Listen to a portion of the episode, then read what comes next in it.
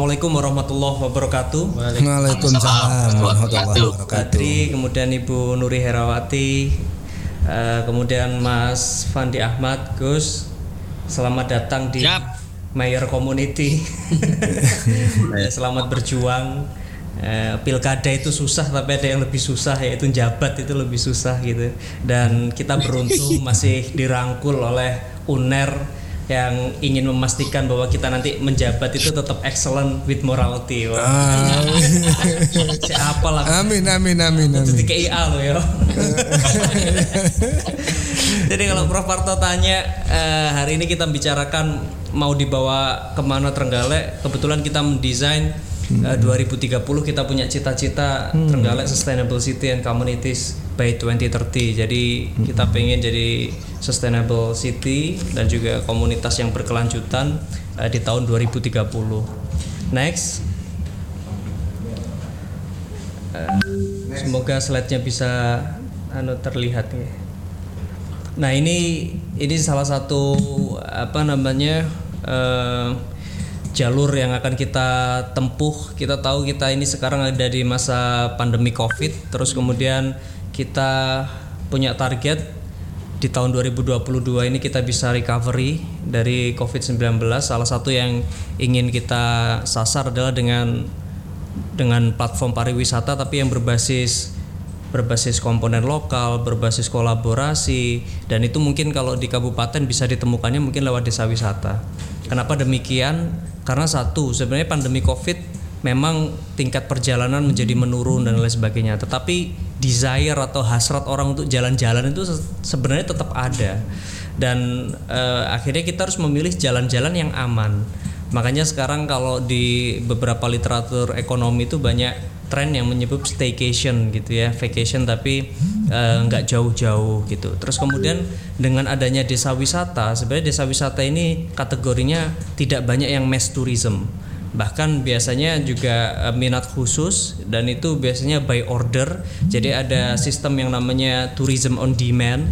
Jadi eh, apa namanya atas permintaan sama kayak di Trenggalek itu ada satu desa yang itu hutan durian 700 hektar.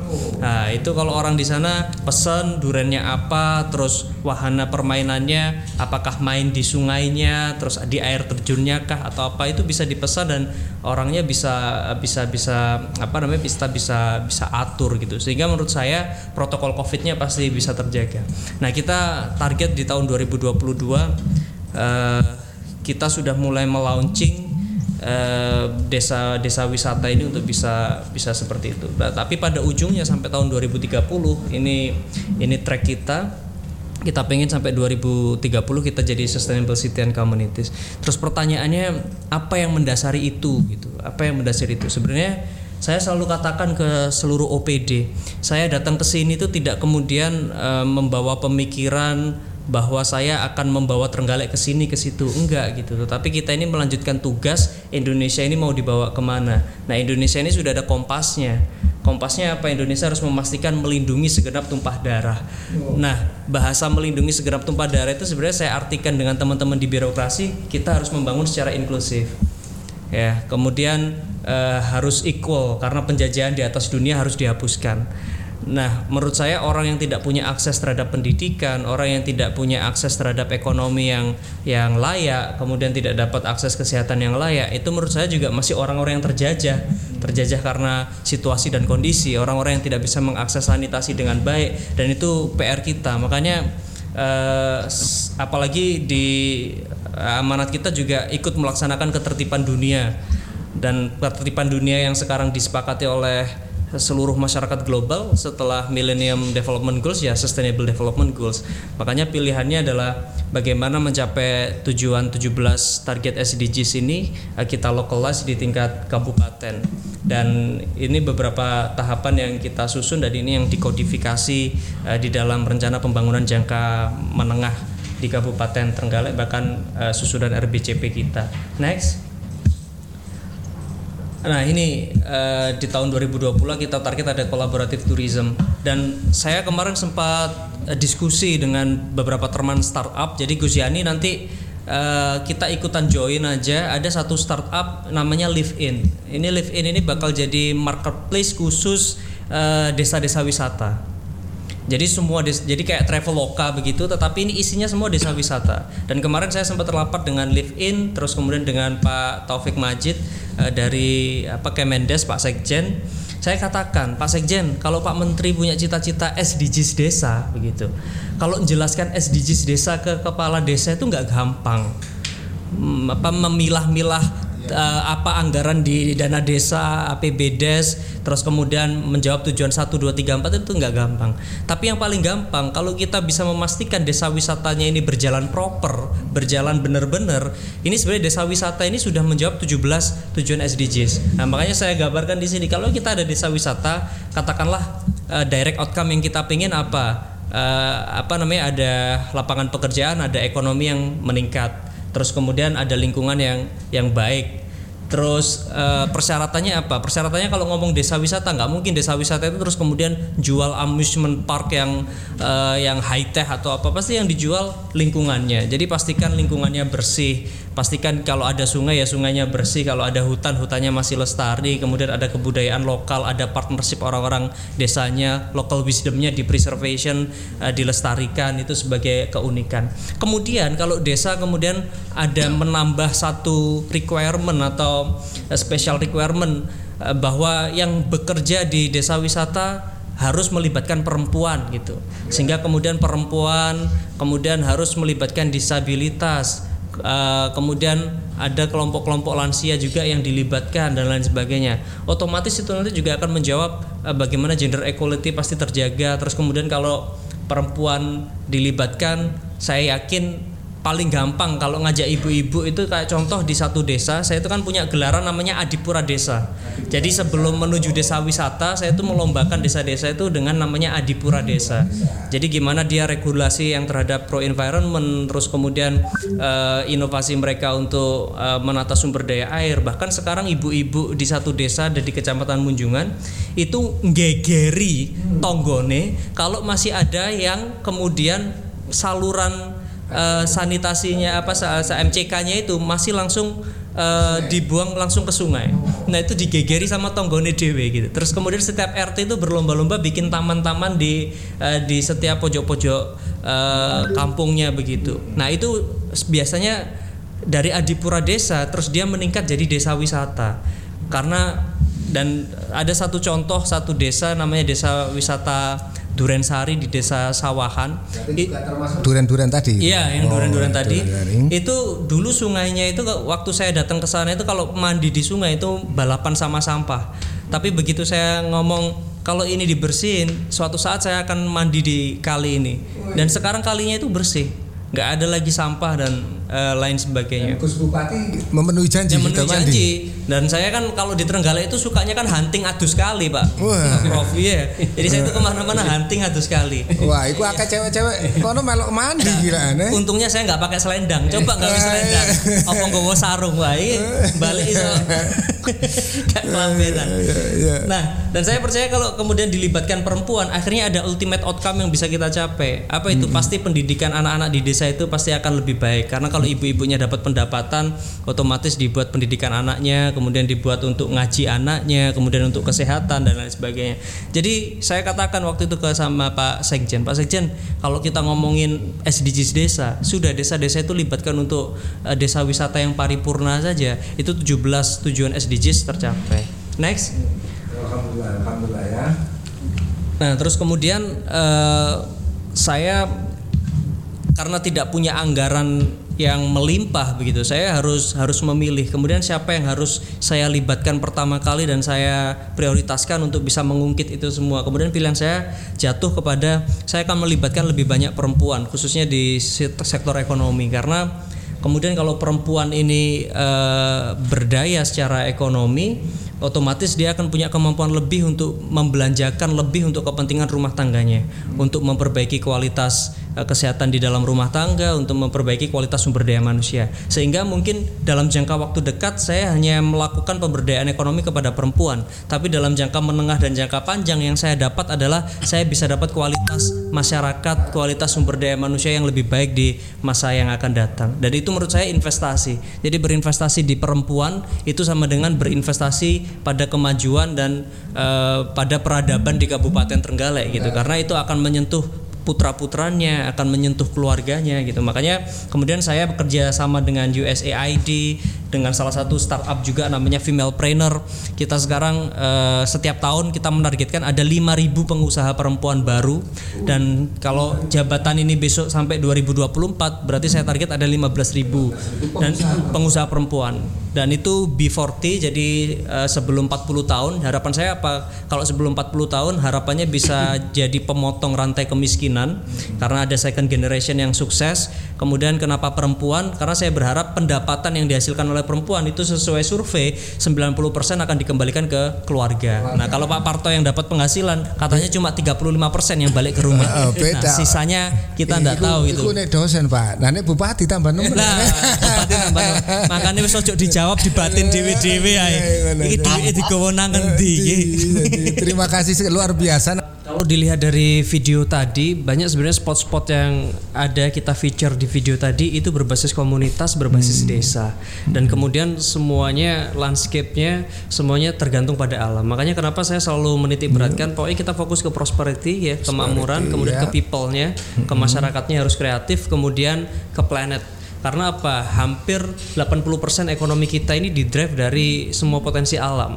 Maka kalau kemudian tadi kayak dilihat ada tebing yang bisa kita panjat via ferrata itu exocars kita, goanya itu endocars kita. Jadi kita juga punya satu bentang alam kars yang luar biasa beserta seluruh ekosistemnya. Jadi makanya kalau ke mana-mana kalau di Trenggalek orang Trenggalek itu kalau saya tanya apa kabar Trenggalek jawabnya meroket. Meroket Oh, itu sebenarnya meroket. meroket itu sebenarnya ada ada singkatannya. Iya, meroket iya. itu MER-nya itu memakmurkan ekonomi rakyat Memakmurkan melalui rakyat. Hmm. orang kreatif, OK-nya orang kreatif, ET-nya itu ekosistem terjaga. Jadi sebenarnya konsep prosperity people planet itu tadi. Iya, nah, iya, jadi iya. makanya kenapa Kemudian kalau saya ngajak orang untuk ayo bersih-bersih kabupatennya, bersih-bersih desanya, orang kadang-kadang nggak sampai mikir ke sana. Ngapain Hmm. harus saya bersih-bersih kan sudah ada pasukan kuning. Tapi kan nggak mungkin gitu. Kita itu menggaji orang kemudian dengan tanah sekian luas harus kita bersihkan kalau nggak ada partisipasi publik. Tapi kalau kita ajak ayo bikin desa wisata, nggak mungkin ada orang datang ke sini kalau desamu kemproh kalau kotor gitu. Nah, maka kemudian mereka membersihkan desanya. Lah untuk mengawal itu kita kasih insentif. Kayak contoh tadi eh, yang ada para layang itu bukit yang dulu dikelola perhutani itu ditanami aja tandus. Orang-orang itu eh, dikasih pengelolaan hak pengelolaan di kawasan situ itu tandus nggak bisa ditanam apa-apa. Akhirnya kita bangunkan jalan terus kemudian ada para layang ada atlet nasional juga dari Trenggalek di situ. Kemudian di situ kemudian akhirnya muncul satu komunitas ekonomi yang luar biasa. Bahkan sekarang tanah-tanah di sana itu jadi mahal terus orang nggak perlu punya modal besar kemudian bikin hotel. Orang-orang sukanya glamping jadi pakai tenda-tenda di atas bukit nikmatin sunrise sunset sambil ngopi-ngopi. Itu sudah jadi pendapatan. Terus teman-teman komunitas trail itu kemudian jadi ojek ke atas sana. Saya hitung banyak pemuda yang dulu pengangguran kurang lebih 150-200 orang itu terlibat mencari ekonomi di situ. Jadi begitu besar impact dari eh, konsep kolaboratif eh, tourism yang berbasis resource base lokalnya gitu yang berbasis eh, potensi lokal. Jadi UMKM-nya kita guide produk pertanian kehutannya dijual di situ. Saya ada satu desa wisata dulu eh, warga sana itu kita dapat program bibit rambutan kemudian eh, mereka nanam rambutan. Setelah panen ya dikasih kasih ke tetangga karena nggak tahu jualannya ke mana. Tapi begitu terus kemudian di sana ada desa wisatanya sekarang bisa jual rambutannya ke wisatawan gitu. Makanya di masa pandemi covid ini eh, untuk memulihkan ekonomi tetapi juga bisa memastikan protokol kesehatan yang bisa kita lakukan ya selected target tourismnya lewat staycation lewat desa wisata karena di situ bisa dibatasi berapa orangnya. Kemudian kalau desa wisata nggak mungkin mass tourism jadi protokolnya bisa ditegakkan dengan ketat. Ini eh, ini salah satu strategi Trenggalek eh, untuk kemudian pulih hingga tahun 2022 besok. Terus next kalau masih ada eh, slide? Ya Nah, kemudian tadi saya fokus satu desa wisata. Kemudian kedua kalau kepengen uh, kita dapat hasil yang maksimal tidak hanya uh, biaya atau APBD kita kita belanjakan untuk tahun ini tetapi juga menjadi investasi jangka menengah dan panjang, berinvestasilah kepada perempuan tadi. Ya, kemudian yang ketiga, setelah itu berinvestasilah kepada gaya hidup masyarakat yang sehat itu yang penting gitu. Karena nggak boleh lagi ada yang namanya stunting nggak boleh lagi ada kemudian uh, orang mati sia-sia hanya karena penyakit yang sebenarnya tidak disebabkan oleh bakteri atau segala macam tapi disebabkan oleh gaya hidup. Kayak di Trenggalek itu yang paling banyak hipertensi gula itu sebenarnya bisa di, dipicu dengan perubahan pola hidup. Makanya kemudian uh, kita kalau stunting di sana sekarang juga? Uh, kalau stunting uh, kita dulu memang termasuk 10 kabupaten prioritas karena prevalensinya cukup tinggi hampir 40 uh, apa namanya 40 persen gitu ya sekarang 20 persen dan beberapa dua tahun terakhir kita ini terbaik di Jawa Timur untuk uh, penanganan apa stunting di Jawa Timur. Saya kabari dikit Gus. Oh, yeah. Kemarin itu Pak kita kan juga dialog dengan Pak Bupati Sidoarjo yeah. Gus Mudor yang terpilih baru prioritas apa aja ngatasi stunting. Soalnya apa? Dulu urusan stunting itu terenggalek sekarang sidoarjo. Nah, ini ini Pak Bupati iya. baru sudah iya, memetakan. iya, benar, benar. itu sudah memetakan. Jadi caranya ngatasi nanti biar belajar ke Gus ah sama Gus kan gampang. IGGI iya, Ikatan Gus-Gus Indonesia. Nah, ini ya itu. Nah akhirnya saya dorong untuk ketangguhan di masa pandemi ini resiliensi ini harus ada yang namanya community health resilience. Jadi programnya ini berkebalikan dengan uh, kartu Indonesia Sehat berkebalikan dengan program BPJS. Jadi kalau selama ini konsep kesehatan itu selalu kuratif di mana orang yang sakit itu kemudian dibayari oleh pemerintah. Nah, kalau sekarang orang yang sehat diberi insentif oleh pemerintah.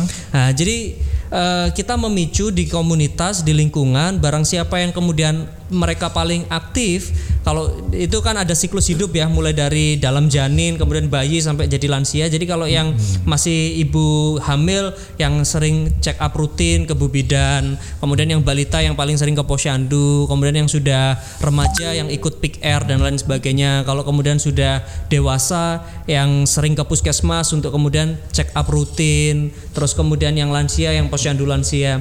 Nah ini setiap kali mereka kedatangan akan kita beri poin dan di setiap poin itu kemudian ada insentif hmm. rupiahnya yang bisa oh, mereka yeah. tukarkan untuk uh, tambahan vitamin, tambahan makanan dan ini kita prioritaskan dulu kepada mereka yang desil satu yang di luar hmm. penerima PKH.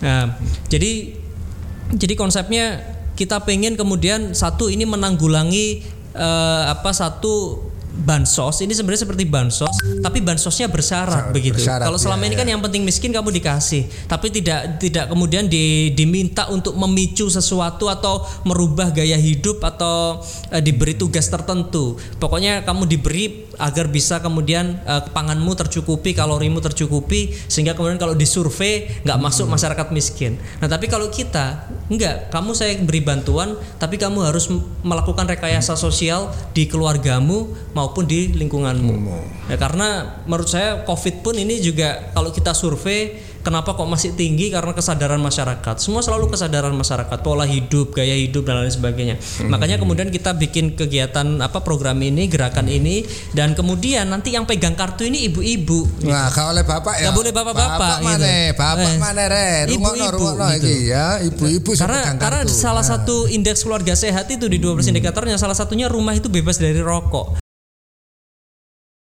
Ada juga pertanyaan bagaimana mengemas wisata yang bisa menyatukan antara wisata halal, kemudian wisata produk daerah, wisata religi. Nah ini Gus Yani ini ini Gus Yani yang tetap terkesan ala Jawa Timur dengan tetap peduli lingkungan serta dapat meningkatkan GDP.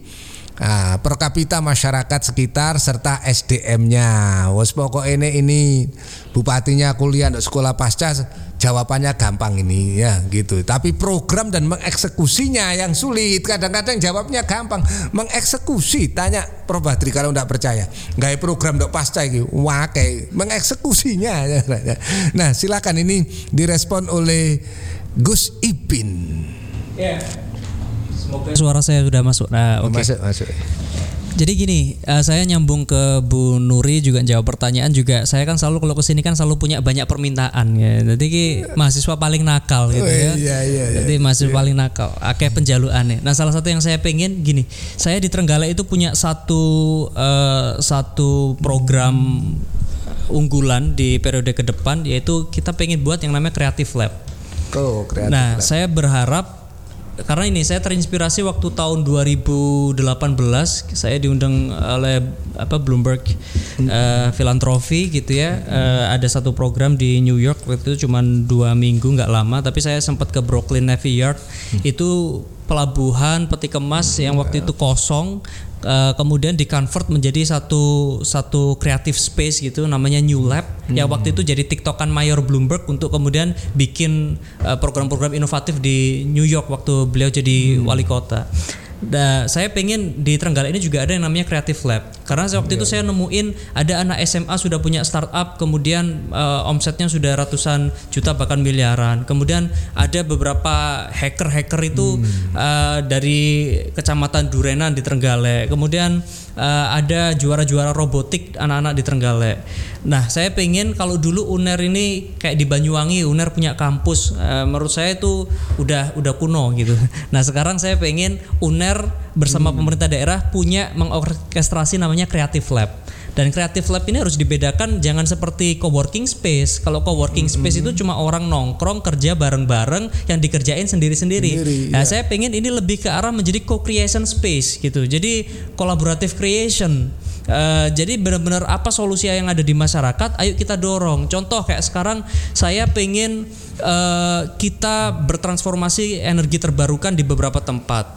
Maka saya sekarang pengen mendirikan badan usaha milik daerah yang khusus energi terbarukan. Jadi kita Oh, punya iya. bendungan, nanti airnya akan kita bikin listrik, kemudian di penampang bendungannya kita bikin floating solar panel untuk menghasilkan listrik. Hebat, kemudian di tempat sampah energy. kita eh, kita mau ada import teknologi dari India, dia bikin satu proses gasifikasi. Jadi bukan insinerator tapi gasifikasi, eh, untuk sampah, kemudian itu dikonvert jadi listrik. Nah, ini kan nanti juga butuh beberapa startup yang bisa mengkompulir mungkin eh, apa namanya bio waste-nya, apakah harus eh, kolek sampahnya seperti yang tadi di di Myanmar dicontohkan tadi itu kan nanti bisa menyerap lapangan pekerjaan, kemudian bisa menyerap anak-anak muda. Dan ini menurut saya butuh butuh diorkestrasi. Jadi mungkin Creative Lab Trenggalek nanti bekerja sama dengan eh, Elite Learning Hub-nya Ah, UNER. Universitas Erlangga gitu. kita. Dan kebetulan saya memang saat ini sudah sejak eh, beberapa tahun yang lalu begitu saya dilantik jadi bupati, saya langsung ngomong, sekarang beasiswa bukan cuman kepada orang yang miskin, tetapi mereka yang mau ambil jurusan science, technology, engineering, art sama mathematics itu kita beli beasiswa juga gitu. Jadi sekarang kita ya, punya ya. beasiswa juga di sisi STEM. Makanya kenapa saya lebih ngomong kalau pembangunan sumber daya manusia kita pengennya ngomongnya eh, kreatif eh, apa namanya eh, sumber daya manusia kreatif. Eh, karena saya percaya itu dan saya percaya betul melihat langsung bagaimana knowledge based eh, ekonomi itu kemudian bertransformasi. Contoh kayak eh, kalau kita bandingkan size populasi di China dan di Amerika gitu. Kenapa kemudian eh, GDP masyarakat per kapita di Amerika itu tetap lebih besar eh, dari masyarakat di China meskipun secara pertumbuhan ekonomi China terus terus meningkat tapi kalau dibagi beberapa miliar penduduknya itu eh, GDP per kapitanya tetap tinggi di Amerika. Ya. Karena kalau kita lihat kayak eh, salah satu brand eh, apa brand gadget ternama di Amerika yang gambarnya Apple itu Hmm. itu dia design by Apple in California tapi assembly in China gitu. China. Jadi mereka benar-benar bagaimana inovasi, kreativitas, kemudian hak kekayaan Hmm. intelektual itu kemudian menjadi menjadi motor dari dari ekonomi mereka. Dan dan kita mulai harus bertransformasi di situ. Makanya saya pengen Iya, iya. kalau dulu UNER bikin kampus di mana-mana nggak apa-apa, bikin kuliahan jarak jauh nggak apa-apa gitu. Tapi mungkin itu bagian dari masa lalu dan masa kini lah. Tapi masa kini dan masa depannya saya tantang UNER untuk punya creative lab di mana-mana. Dan itu menurut saya akan lebih mensolusikan eh, mensolusikan eh, masalah dan lebih real dan karena kita sekarang uh, dikejar terus oleh waktu. Kalau hmm. semuanya disuruh ke kampus kuliah iya, iya, empat ya, tahun ya. selesai, empat tahun masalahnya udah ganti lagi. Yang dipelajari selama empat tahun udah udah nggak apa udah mungkin udah udah banyak yang uh, banyak yang ketinggalan ya, gitu. Tetapi ya. kalau kreatif lab kita nanti akan bisa bekerja dengan waktu kemudian menemukan solusi-solusi. Makanya saya senang ketemu dengan teman-teman live in, kita mau bekerja digitalisasi desa wisata, kemudian nanti ERP-nya itu hmm. uh, berbasis uh, dan yang bikin semua panelnya itu orang-orang UMKM teman-teman meskipun belum di Trenggalek tapi teman-teman di Jogja tapi saya seneng gitu. Terus kemudian saya ya. kerja sama Fish On uh, untuk lelang ikan online gitu ya. Terus kemudian dengan female trainer gitu. Nah saya pengen nanti bukan hanya startup startup di luar tapi di Trenggalek sendiri ada ekosistem yang mendukung uh, transformasi ekonomi di sisi ini. Saya berkesempatan bekerja bersama uh, Center of Livable Cities dari apa namanya dari Singapura gitu ya uh, didanai oleh Temasek Foundation dan kemudian saya coba membandingkan data di Singapura dan di Trenggalek. Bagaimana kalau kita lihat kalau jumlah populasi di Singapura ya pasti meningkat gitu ya. Tetapi yang yang menarik ketika populasi meningkat jumlah karbon emission per kapitanya hmm. itu menurun dan bahkan cenderung terjadi pelandaian. Terus kemudian ketika kita lihat dari GDP-nya per kapita itu menembus 65 ribu uh, eh, US dollar per tahun. Nah kita bandingkan dengan Indonesia. Next. Next. Nah kalau di Indonesia trennya normal gitu ya, ketika populasinya meningkat, ya jumlah karbon emission yang dilepaskan juga meningkat, tetapi kemudian income kita hanya ada di sekitar 4000 hmm. 4000 US dollar per kapita. Bahkan di Kabupaten Trenggalek mungkin hanya 2500 hmm. US dollar per kapita per per tahunnya. Nah, maka di sini bisa kita lihat ternyata ketika ekonomi kita bisa hand in hand with ecology gitu ya. Itu ternyata memunculkan satu sektor ekonomi yang bernilai value yang sangat tinggi. Bukan lagi saya tahu Singapura nggak didrive oleh ekonomi yang kemudian e, berpolusi besar dan lain sebagainya. Mereka sudah menggeser bukan hanya uh, apa namanya knowledge based economy tapi mungkin sudah kreatif uh, ekonomi berbasis creativity innovation dan lain sebagainya. Dan dan ini yang sebenarnya perlu perlu kita transformasikan. Menurut saya arahan Pak Presiden mentransformasi ekonomi kita untuk Indonesia maju salah satunya ya harus diimplementasikan seperti itu. Makanya satu tantangan besar kita semua adalah Eh, bagaimana kemudian memunculkan sumber daya sumber daya manusia kreatif. Makanya permintaan saya dan wajib harus dituruti oleh UNER ini kita sukses untuk bikin uh, kreatif lab dan kalau sukses di tingkat kabupaten saya pengen nanti desa-desa mem, kemudian membuat uh, laboratorium kreatif desa di desanya masing-masing untuk mengakomodir sumber daya sumber daya manusia kreatif itu untuk kemajuan desanya karena sekarang sudah banyak gitu desa-desa yang uh, di Trenggalek yang seperti punya satu perdes konservasi, punya kawasan eh, ekonomi eksklusif itu tapi di tingkat desa.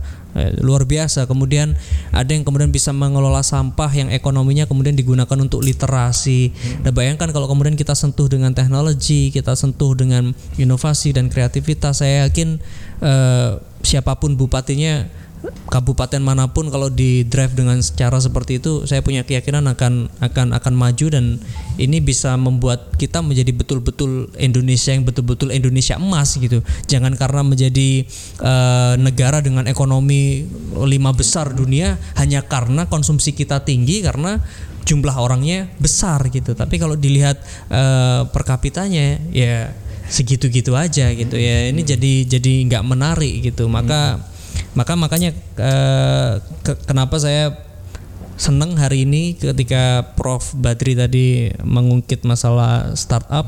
Yeah. Iya. Uh, jadi kalau kemarin di pertemuan sebelumnya saya berharap ada Women Empowerment Fund Initiative yang yeah. didrive sama UNER juga gitu ya untuk kemudian bisa mengcutting uh, cost biaya dari loan sehingga kita bisa bisa memberdayakan ekonomi perempuan dengan nyaman. Nah sekarang kedua permintaan saya itu bikin kreatif lab di Trenggalek, Prof gitu ya. Hmm, yeah. Saya tunggu bes eh, jangan besok kalau besok saya belum bupati. Pokoknya setelah pelantikan Nah. kapan pun anytime datang saya yang jemput wis gitu. Wong nang Surabaya ya ibuku nang kene gitu. Jadi saya tak sungkem sama jemput Prof Badri sama Bu Nuri sama Prof Juju kita langsung cabut ke Trenggalek gitu. Eh, Oke, iya. terima kasih dan